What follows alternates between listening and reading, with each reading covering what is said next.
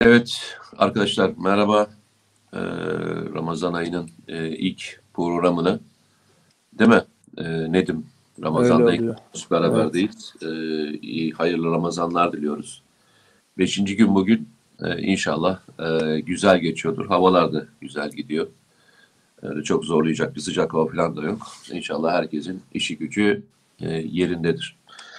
Evet e, arkadaşlar çok uzun bir zamandan beri e, Nedim Şener'le beraber Memleket Aşkına programını e, süper haberimize vermiş olduğu fırsatlar e, sayesinde burada yaptık.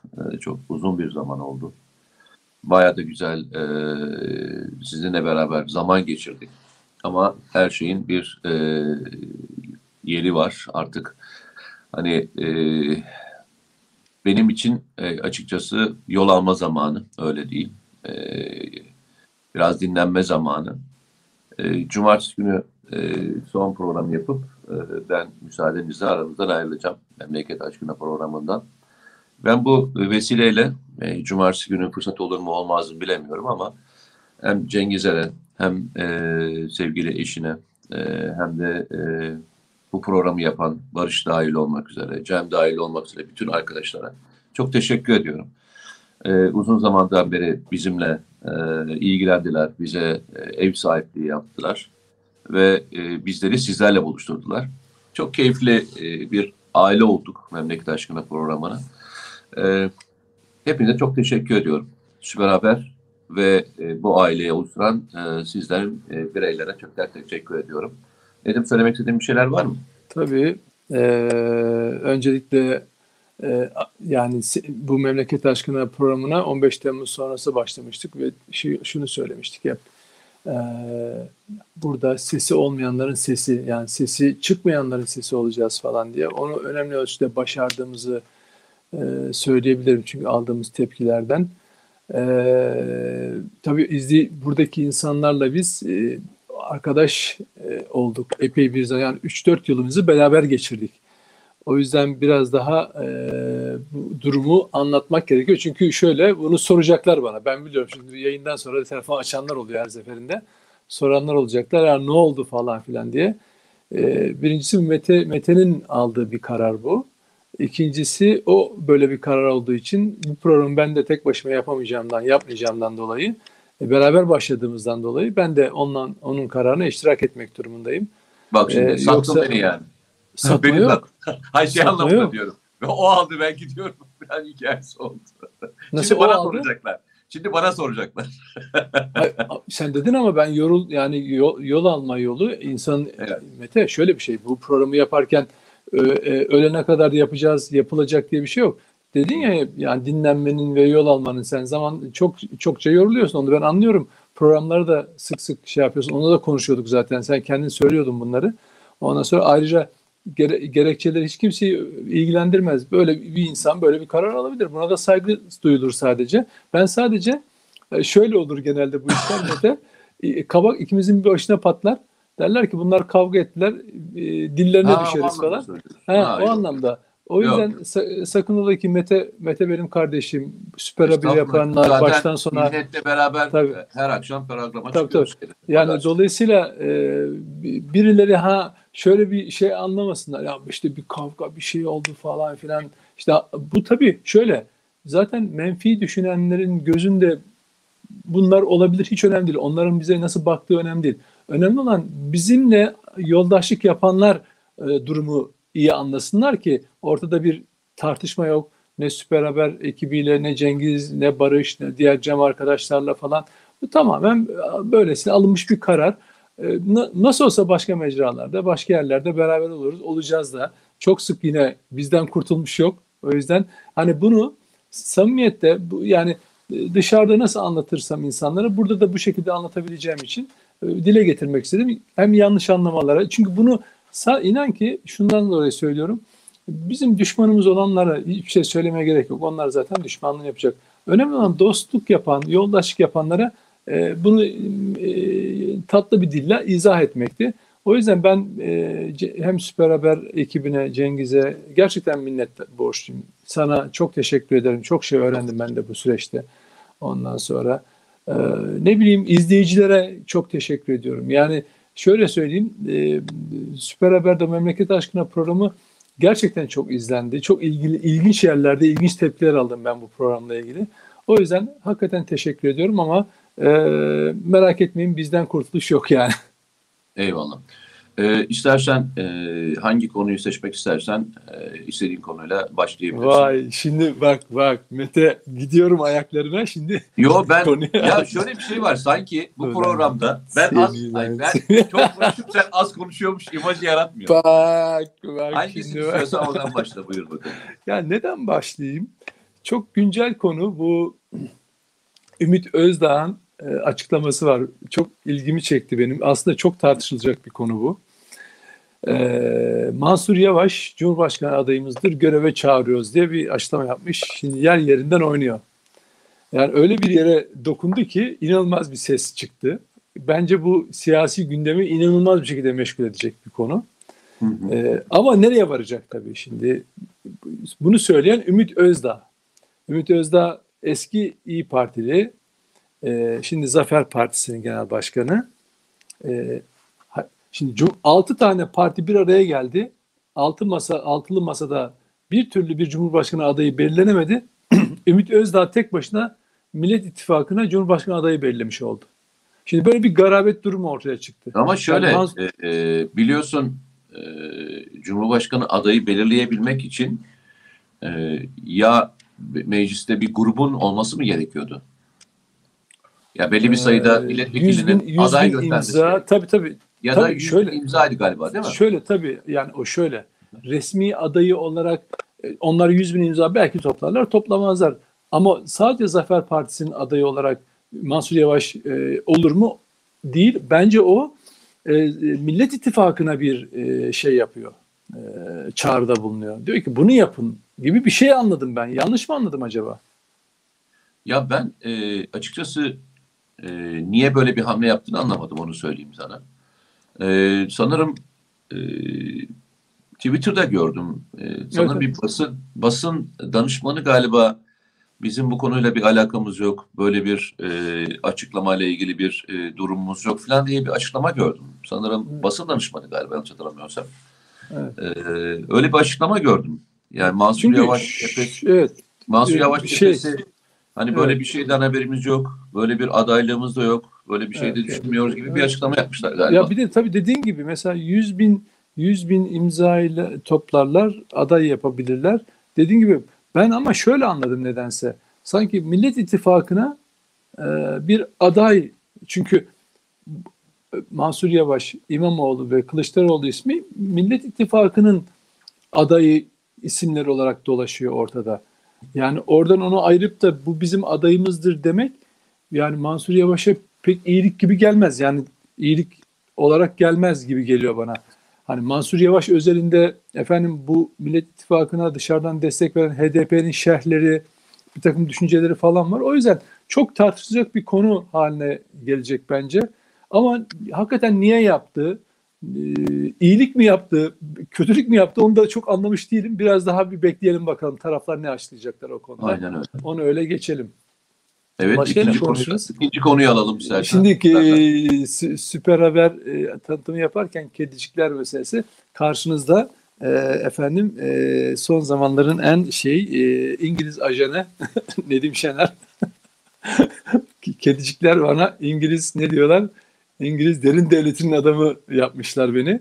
Ondan sonra e, Adnan Oktar suç örgütünün elemanları kadın mı erkek mi o da bilmiyorsunuz sosyal medyada Adamlar şey hakikaten şuur eksikliği, akıl eksikliği, yalan, iftira. Şunu düşündüm.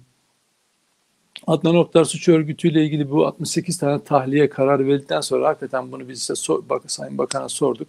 O da bu durumun öyle olmuyor yani şey ortada bir suç olduğunu falan bahsetmişti. Sonra mahkeme iki, e, bölge adliye mahkemesi ikinci ceza dairesi e, kararı bozdu. 61 kişinin tutuklama verdi. Ya biz bunu ajans haberleriyle beraber e, sosyal medyada paylaştık falan diye adamlar e, şey ne diyeyim şeyler neredeyse yargıyı yönetiyor, bakanı yönetiyor, derin devletin adamı.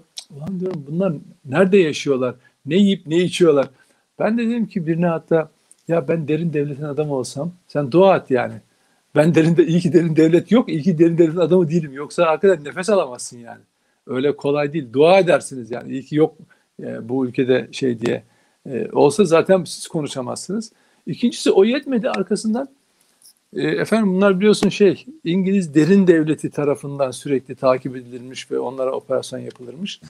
Ben bu sefer olmadı. Türkiye'de derin devlet muhabbeti yani çok yakın herhalde. Onun olmadığını olamayacağını düşünüyorlar. E, hemen değiştirirler. İngiliz derin devletinin adamı. hakikaten e, insanın yani bununla ilgili de bir yazı yazmıştım ben. Yani zamanda Ergenekoncu dediler, yok AKP'li dediler, yok faşist dediler. PKK'lılara laf söylüyorsun, Kürt düşmanı diyorlar. Hani atılmadık, iftira kalmadı memlekette. Şimdi de İngiliz derin devletinin e, elemanı e, ilan ettiler. Hakikaten güler misin, ağlar mısın? Öyle kala kaldım yani. E, Valla e, sen bu konuları benden daha iyi biliyorsun. E, içeriğine de çok fazla yazı yazdın. Onlarca defasında e, durumu inceledin. Dosyayı da herhalde okumuşsun da bilmiyorum dosyayı okudun mu? E, arkasından Adalet Bakanlığı e, bir soruşturma açtı galiba değil mi? Yanlış hatırlamıyorsam. Şeyle ilgili. E, bu şikayet veren... üzerine evet şikayet üzerine doğru. Şikayet eden kim? E, mağdur aileleri. Mağdur aileleri şeyi mi? Bu kararı veren ee, hakim evet, evet, evet, evet, evet. evet. Çünkü ortada ilgili. bir tuhaflık var Mete. Çünkü ee, şundan... Adalet Bakanlığı da şey mi veriyor? Bunların yargılanması yani soruşturma açılması için HSK'ya... E, tabii müfettiş, müfettiş görevlendirilir. Tabii. HSK müfettiş görevlendirir. Adalet Bakanı HSK'nın başkanı olduğu için. Yani öyle, o bağlamda düşün. Ondan sonra. E, çünkü problem şu. Bir heyet var. Binlerce yılda tutan e, hapis cezaları veriyor. Örgütle ilgili suçlarla ilgili tanımlamalar yapıyor. Öbür Hı. mahkeme yani hakikaten sanık avukatları yazsa bu kadar olur diyeceğin savunma metni hazırlıyor. 400 sayfalık. Yani küçücük çocuklara, çocuk kız yani kız yani taciz, tecavüzü tutun da her türlü şey var içinde. O insan okurken içi sızlıyor. Yani yazarken bile yazamadım yani bazı şeyleri. E, utandım yani. Ama o mahkeme kararında açıkça cinsel saldırıya uğramış çocuk yaşta cinsel saldırıya uğramış kişilerle ilgili rızası var gibi bir e, şey yapıp olayı taciz gibi göstermeye çalışıyorlar. Ya orada organize yani eli yüzü düzgün işte lüks arabalara e, işte pahalı giysilere sahip elemanlar üniversitelere oralara buralara gönderiliyorlar. Bunlar işte e, genç kızlar etkiliyorlar. Yani genç yani genç kızları etkiliyorlar. Bu işin gerçeği bu. Onlara bir takım vaatlerde bulunuyorlar. Sonra tanıştırıyorlar. Lükse şaşaya alıştırıyorlar. Sonra taciz aşaması geliyor. Adanoklar da bizzat bu taciz olaylarının içinde yer alıyor. Yani söylemeye utanıyorum burada. Yani, yani okudum diyerken ya, okumaz olaydım yani. O insanın e, şeye yani, yani yaşayası gelmiyor onlar okuduğu zaman. Onlar bunu yapabiliyorlar ama yani korkunç insanlar. Beraberce oturup bir genç kızı alıp yani böyle lanet olası bir şeyler yapıyorlar ondan sonra. Ve bunu mahkeme yazıyor da kararına. Yazıyor yani. Olayın tanığı da yani mağduru da anlatıyor ondan sonra.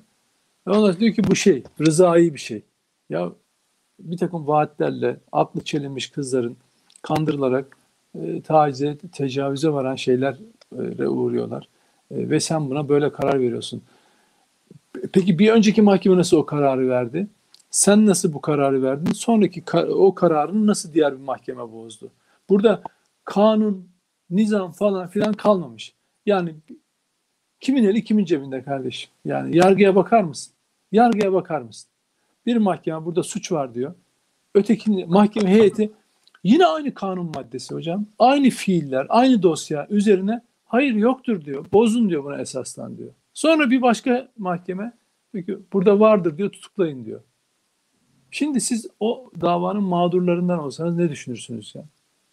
Şöyle oluyor biliyor musun? Mağdurlardan bazıları bana mesaj da atıyorlar sosyal medya üzerinden falan. Ya düşün ceza almışlar bu insanlar. Sonra mahkeme bunu bozmuş ve bu insanlar evden çıkamaz hale gelmişler. Korkuyorlar. Yani o örgüt hakkında verilen karar bozulmuş, tahliye ol, olmuş elemanları da, örgüt üyeleri de. Bu insanlar evden çıkamaz hale, okula gidemez hale geldim diyor. Kız, genç kız bunu yazıyor. Ve sonra diğer mahkeme tekrar tutuklama kararı verince sanki dünyalar onun olmuş gibi tekrar seviniyor. Nihayet diyor adalet varmış falan. Ya mağdura bu yaşatılır mı? Çok ilginç bir şey değil mi Mete? Kadın hakları konusunda kadına taciz, saldırı, kadınlara yönelik suçlar konusunda e, dünyayı ayağa kaldıranlar, Taksim'de yer gök inletenler, sosyal medyayı olabildiği kadar şey yapanlar. Adnan Oktar mağdurlarına niye hiç ağzına almazlar? Ne iktidar ne muhalefet niye hiç kimse ağzına almaz bunları abi? Nedir bunların esvabı müjdesi? Ondan sonra oturuyorlar. Bak olay şöyle çıkıyor. Hiç kimse ilgilenmiyor. Sanki böyle bir örgüt yokmuş. Bunlar olmamış. Ya bu insanlık suçları işlenmemiş. Biz çıkıyoruz. Bir soru soruyoruz bakana. Bir de dava ne oldu ne olmadı diye takip ediyoruz. Tek başına kalmış Nedim Şener devlet, İngiliz devletinin derin devletinin adamı. Bak niye? Bir kişi bak bir kişinin bile soru sormasına bir kişinin bile soru sormasına itiraz etmesine tahammülleri yok. Hala saydırıyorlar. Hala yazıyorlar. Şey Twitter'da. Niye o algı oluşana kadar? O, yani bak bunun devamı bir sürü şeyler de söyleyecekler. Çünkü niye? Zaten size karşı söylenecek herhangi bir yalana, atılacak iftiraya inanmaya hazır bir kitle de var ya. Nasıl e, şey yaparım. E, ne söylesem e, o yalana inanacak bir kitle var. Bunu çok iyi kullanıyorlar. Hiç önemli de değil. Yani oradaki gencecik kızların çektiği mağduriyet, e, eziyetler karşısında iki tane hakaret etmişler falan. Alışmışız zaten. Bunlar e, FETÖ'cüsünden PKK'sına, CHP'lisinden İP'lisine kadar her türlü hakaret ettiği için legalde hani legal illegal e, bu Adnan Oktarcılar bir eksik olsa bir fazla olsa da fark etmez zaten benim için. Peki ben e, burada şeyi soracağım. Sen davayı takip ettiğin için e, ilk ya, özel e, olarak değil Mete şöyle yok yok hayır hayır şöyle hayır etmiyorum yani. süreci doğru anlatmak evet, için evet. soracağım e, şeyler e, mahkeme e, iddianame yani savcının iddianamesindeki suçlardan dolayı e, şahısların tahliyesine karar ver. Doğru mu? Mah ilk mahkeme Mete ilk mahkeme e, karar ver. Sonra, dokuz tabii ceza verdi. Sonra bunu savcı bir üst mahkemeye itiraz etti. Doğru mu? Yok. Şöyle mahkemenin kararı e, şeye gidiyor. Bölge ida bölge adliye mahkemesine, istinaf mahkemesine gidiyor. Tamam. O da ne yaptı? Olarak. O ne yaptı? O, o esasdan bozdu. Yani böyle mahkemenin verdiği cezalara ilişkin suç yoktur dedi. Yani örgüt yoktur Hayır, mahkeme dedi. Mahkeme kabul etti, ceza var dedi. Doğru mu? evet evet ilk mahkeme kabul etti. Tamam ikinci yanlış mahkeme diye söylüyorum. Tabii ilk ikinci mahkeme, mahkeme savcının evet. söylediklerini kabul etti. Kabul etti evet. Bölge İdari Mahkemesi'ne mi gidiyor? İstinaf mı Bölge İdari Mahkemesi? İstinaf, ma istinaf, istinaf deniyor, mahkemesi. Bölge Adliye Mahkemesi olarak ha. geçiyor. İstinaf Mahkemesi'ne gitti.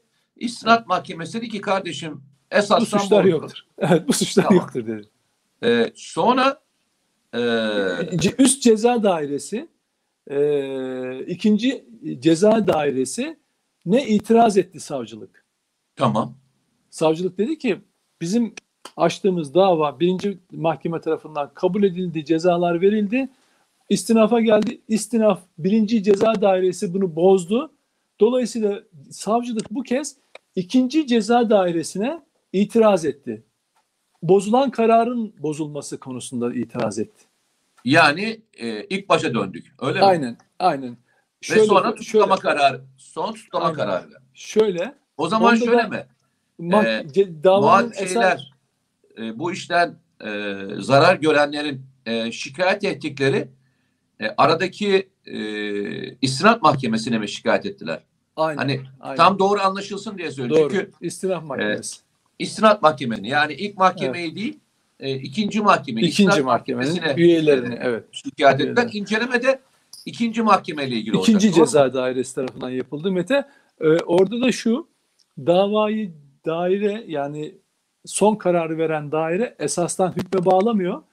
E, burada suçların oluştuğunu yani şey cinsel suçların oluştuğunu dolayısıyla 61 kişinin tutuklanması gerektiğine karar veriyor ve kendi mahkemesi bu karara dayanarak tutuklama kararı çıkarıyor. Şimdi mahke dosya tekrar istinafta birinci ceza dairesine bozuldu dedik ya hani hüküm verilmiş cezalar bozuldu dedik evet. ya.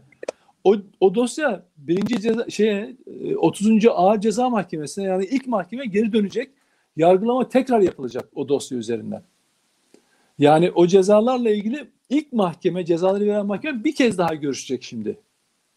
Peki e, bu e, tutuklu e, tutuklanıp sonra tutuksuz yargılanan, yargılamak için bırakılanlardan kaçı Sonra e, 61. kaçı gözaltına alındı tekrar? 61'i.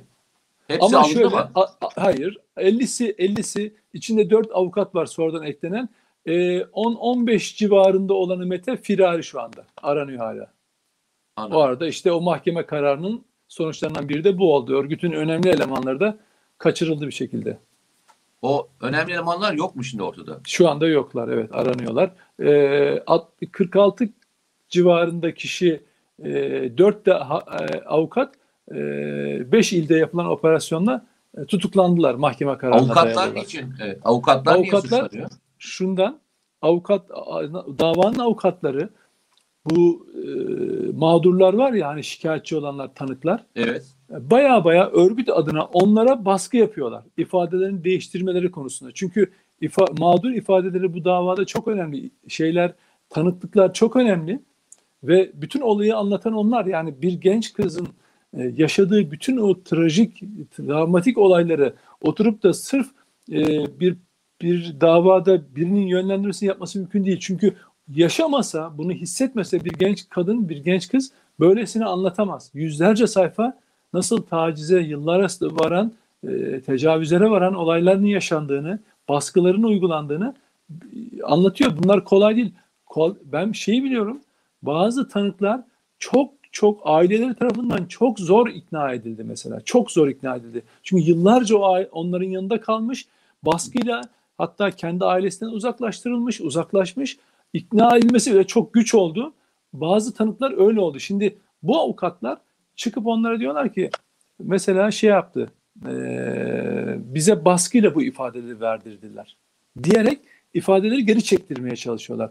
Ve bak sosyal medyada bana İngiliz derin devletin ajanı demeleri zerre kadar eee, şey yapmıyor, etkilemiyor. Aksine çok da harika bir şekilde eğleniyorum bu aptallarla. Tamam? Bunlar kedi falan da değil. Kedi akıllıdır. Kedi sevimlidir. Bunlar geri zekalı. Bunlar bunlar Adnan Oktar'ın aptalları tamam mı? Geri zekalıları. Millet de aptal zannediyorlar tamam mı? E, en kötüsü ne biliyor musun? Kadın profili resmi kullanıyorlar sosyal medyada. Ben onların dolayısıyla kadın olduğunu kabul ediyorum. Bunlar tacize tecavüze uğramış hem cinslerini koruyacaklarına tacizci ve tecavüzleri korumaya çalışıyorlar. Adnan Oktar ve adamlarını korumaya çalışıyorlar. En kötüsü de ne biliyor musun? Tanık olarak kadınlar ifade vermişler. Biz şöyle tacize uğradık, böyle saldırıya uğradık. İşte turnike yöntemleri, bir sürü şeyi anlatıyorlar. Bu kadın, yani sosyal medyadaki kadın görünümlü hesaplar, Adnan Oktar'ın suç örgütünün hesapları ne yazıyorlar biliyor musun Mete? Çok çok üzücü. Diyor ki bunlar diyor emniyette diyor tecavüze uğradı. Tecavüz korkusuyla, baskısıyla bu tanık ifadelerini verdiler diyor. Yani tanıklığa taciz ve tehditle boyun eğdiler diyor. Örgüt aleyhine verilen e, ifadeler, örgüt aleyhine, aleyhine verilen ifadeler tehdit ve taciz ve tecavüz tehdidiyle verilmiştir. Diye bunu yazabiliyorlar biliyor musun? Bunlar da bak, bunlar var ya, ne Allah'a inanıyorlar, ne kuldan utanıyorlar. Bunlarda insan insan şerefine ait hiçbir şey yok bu insanlarda bak. İnsan şerefine dair hiçbir şey yok. Burada 30'a yakın kadın, kız tacize, tecavüze uğramış. Kadın görünümlü Adnan Oktar'ın çetesi bunlara etmediği hakaret, küfür kalmıyor. Yani bize derin İngiliz derin devletin adamı demiş. Vız gelir tırıs geçer ama ortada ciddi bir insanlık suçu işleniyor. Kötüsü olan kötü olan ne biliyor musun Mete? Ben hep söylüyorum ya. Çarşıdaki meyve sebze fiyatından terörle mücadeleye kadar ben hep şunu istiyorum. Bu ülkede hukuka, hukuka saygı duyan, hukuka inanmış sade yurttaşların hakkını koruyacak bir kanun düzeni, bir devlet hep bunu istiyorum ya. Yani Türkiye Cumhuriyeti Devleti dendiği zaman haklının hakkını koruyan bir devlet kardeşim. Peki geliyoruz bu konuda nereden çıkardın? Bu cümleyi ne, ne, neye söyledin? Yargının halini anlattım. Arkadaş bir sosyal medya, yasası çıkartıp da bu hesapları nasıl engelleyemiyoruz biz ya? Bak oturup Türkiye devletine Adnan Oktar suç örgütü saldırıyor ya. Saldırıyor diyor ki bu davada diyor alınan mağdur tanık ifadeleri genç kızlardan alınan tanık ifadeleri tecavüz tehdidi de alınmıştır yazıyorlar. Bunu kim yaptı diyor. Emniyette şurada burada. Yani bizim polisimizde taciz seni te, sana tecavüz ederiz. Hadi şu bakalım şu ifadeyi ver demişler de bunlar da onu yazıyorlar öyle mi? Ve benim devletim bak yine söylüyorum arkadaş. Benim devletim oturup bunu hiçbir şey olmamış gibi seyrediyoruz abi. Cumhurbaşkanına küfür ederler. Eşine hakaret ederler. İçişleri Bakanı'nın ölmüş annesine küfür ederler. Bakanlara saydırırlar. Herkese hakaret ederler. FETÖ'cüsü, Adnan Oktar'sı, PKK'lısı falan filan. Ya anlatmadık mı kaç defa kardeş? Dedik ki bak Almanya bunu yapmış, Fransa bunu yapmış. Burayı Dingo'nun ahına çevirmişler.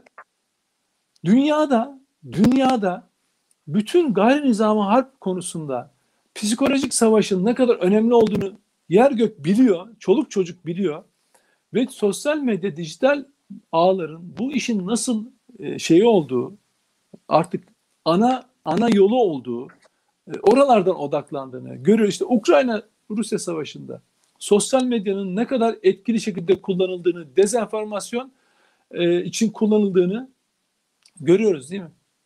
Ve benim devletim hala hala aylardan beri bilmiyorum belki yıl oldu bir sosyal medyası çıkaracak. Çıkmıyor kardeşim. Çıkmıyor. Olmuyor. Adamlar burada biz kanuna uyuyoruz. Biz hakaret etmeyelim, efendim şey yapmayalım, kanun dışına çıkmayalım diye elimizden e, geleni yapıyoruz. Ama karşı taraf istediğini sallıyor. Ama biz onları engelleyecek bir filtre koyamıyoruz. Bir sosyal medya yasamız yok. Yani anlatabiliyor muyum? Ama, ama birine bir yetkili birine küfür ettiği zaman hop onu buldun, ettin, yargıladın falan filan bir şeyler oluyor. Kaldı ki onda da olmuyor. Yani devlet büyüklerine edilen hakaretlerde hakaret edenlerin e, herhangi bir ceza almadığını, çok az da olsa cezalandırıldığını, yani bize bize edilen hakaretlerde adamlar takipçisi kararı veriliyor kardeş. Ya benim devletim oturup bunu seyrediyor yani. Burada da öyle. Yani ne mağdurun hakkını, ne kanunu, ne kanun, kanuna uyanların hakkını koruyabiliyoruz. Böyle bir ülkede yaşıyoruz maalesef işte. Peki, ee, ekleyeceğin herhangi bir şey Sen, var mı? Yok, ekleyeceğim şu var Mete Bey. Ee, ben gidiyorum arkadaş, beni konuşturmayın moduna girmişim. Sürekli ben konuştum. Sürekli, sen de sürekli sorularla yol açtın. Tebrik ederim seni. Ya ne yapayım? Ee, Moralim bozuk diyorsun. Yok ondan hiç alakası yok ya. Moralle falan filan alakası yok ya. Bu Ramazan'ın e, şeyi e, ne derler? Bir de bir de geç geliyoruz biliyorsunuz akşamleyin. Televizyondaydım. Sen evet. dün bilmiyorum televizyondan mıydın ama. Yok. E, arkasından e, sahur falan yapıp derken saat 4-5 gibi e, yatıyor biliyoruz. O yüzden de biraz şey var bende. Hani uyku e, mağdur ne derler? Mahmurlu e, üzerime çökmüş Peki, durumda. Ondan Mahmur yani, abi, Mahmur abi görüşürüz ma- o zaman. Kendine şey, iyi bak. hamur, hamur, hamur gibi olmuş olma ihtimali yüksek tamam. yani. Mahmur abi görüşürüz. Evet, e, onun dışında e, geçen haftanın belki önemli konulardan e, değerleme yapabiliriz. Yani bir tur atalım istersen, senin için de uygunsa. E, geçen hafta e, çoğunlukla e, şey mevzusu konuşuldu biliyorsun. E, bu hafta da e, aynı mevzu. Yavuz Ağrıoğlu konusu konuşuldu. Evet. Biraz daha fazla gelişmeler oldu. Sen de köşende bunu yazdın. Evet, evet, evet. Bugün de yazdın. Çok renkli, renkli bir konu Mete. Gerçekten renkli. Ee, istersen oradan devam edebiliriz. Yani Tabii. yazdığın işinde oradan devam edelim mi Tabii Mahmur abi. Ben de Hadi bakalım. hadi sana sana şeyi de e, kutupla atıyorum. tamam Mahmur abi. Hadi, hadi Mahmur. Mahmur. Mahmur abi diye. Şimdi şöyle e, aslında e, şeyin altılı masa e, olarak karşımıza çıkan proje e, bir şekilde devam ediyor. E, arkadaşlar şu çok açık. Yani hiç tartışmasız. Bu Macaristan seçimlerinde de karşımıza çıktı. Dünyada genel gidişat da böyle. E, dünyada giden daha önceki bir başkan vardı Trump'ın gelecek e, dönem e, vatanseverlerle veya işte küreselcilerle ulusalcıların e, şey yapacağı savaş savaşına sahne olacak falan demişti. Gerçekten dizayn öyle gidiyor. Şimdi altılı masaya bakın. Hakikaten küresel baronların adamları olmuş. FETÖ'cüsü, PKK'sı, HDP'si yan yana etrafında çöreklenmiş. Ortada görünen bir altı kişi falan ve parti yönetimlerine bakıyorsunuz. Bakın hiç hiç artık şey, şeyi örtülü falan anlatmaya gerek yok. Şöyle her şey çok açık. Önce Cumhuriyet Halk Partisi'nde böyle Atatürkçü ulusalcı falan bilinenler güzel güzel gönderildi. Ya şey düşünün. Cumhuriyet Halk Partisi'nin Cumhurbaşkanı adayıydı Muharrem İnce. Yer gök Muharrem İnce diye inliyor değil mi? Yani Maltepe'ye gidenler falan. Ne oldu? Ne oldu Muharrem İnce? CHP'ler hatırlamıyorlar bile. Birkaç yıl sonra unuturlar. Yani hangi partidendi falan filan derler. Ne oldu? Bir gecede AKP'li ilan ettiler değil mi? Mesela Mehmet Ali Çelebi veya e, Yılmaz Bey partinin yöneticileri ihraç edildiler. O kanala çıktı, yok şunu söyledi, FETÖ ile ilgili eleştirdi diye hepsini böyle partiden gönderdiler. E, kimse ağzını açamaz hale geldi. Çünkü yerel seçimlerden biri size bir şey anlatmaya çalışıyoruz. Ortada siyaset, politika, alternatif olma gibi bir şey yok. Bir durum yok. Ortada matematiksel bir hesaba dayalı bir siyaset var. Kemal Kılıçdaroğlu'nun kurguladığı e, bu dışarıda da böyle kurgulanan yani bir güçlü lidere karşı ancak bir blok oluşturursanız kazanabilirsiniz diye birilerini ikna etmişler. Macaristan'da da bunu yapmışlar, Türkiye'de de bunu yapmışlar. Çok tipik 6 tane orada da parti bir araya gelmiş, burada da 6 tane parti bir araya gelmiş. Yani çok enteresan. Sonuç ne olur onu ben bilmem. Ona halk karar verecek. Ama görünen o ki e, küreselciler bir tarafta işte kendi ulusal çıkarlarını, milli çıkarlarının peşinde olanlar bir tarafta hizalanmış bir siyaset e, yarışına girilmiş durumda. İyi Parti'ye bakıyorsunuz. Nasıl başladı onların macerası? Aslında ta 17-25 Aralık süreçlerine gidin, o dönemleri. E, e, 2011 yılına gidin. MHP'de MHP'ye bir FETÖ operasyonu yapıldı. Kaset tıpkı CHP'de olduğu gibi orada genel başkanlığı değiştirmek isteyen bir şey vardı. Bir operasyon zinciri vardı. 9-10 tane genel başkan yardımcısının kasetleri ardarda arda patladı. Amaç MHP yönetimini değiştirmekti. Niye 2011? 2010'da Cumhuriyet Halk Partisi'nde kaset operasyonuna Kılıçdaroğlu getirilmişti. FETÖ operasyonuna gelmişti. Bak FETÖ operasyonu yine söylüyorum. Şimdi biz o günlerde bunları anla yani e, doğrudan falan anlatmıyoruz ama bir şeyler anlat. Bugün artık çok net. Herkesin anlayacağı şekilde. Çok hiç lamicim yok. FETÖ operasyonuna çünkü niye 2010 yılı? 2010 yılı küresel sistemin Erdoğan'la artık 2009'daki One Minute olayından sonra kapışmasının miladıdır. Ve FETÖ AKP ile girdiği işbirliğinde siyasi mücadeleye başlamak için önce muhalefeti dizayn etti. İktidarla mücadele için önce muhalefeti dizayn etmeye işe başladı. Yoksa Deniz Baykal'ı devirmenin ne anlamı var? Yani Deniz Baykal CHP muhalifse muhalif birisi muhalif yani muhalefetten ne umulabilir? Ama hayır bak arkasından bir yıl sonra MHP'de bir olmadı. MHP'de kaset operasyonu muhalefeti toptan dizayn etmeye kalktılar tamam mı? CHP'de başardılar. MHP'de başaramadılar. O zaman ne olması gerekiyordu? MHP'de birilerinin ayrılması gerekiyordu. İşte muhalif kanat öyle zuhur etti. Muhalif kanat öyle şey tek başına çünkü ve sürekli ne oldu?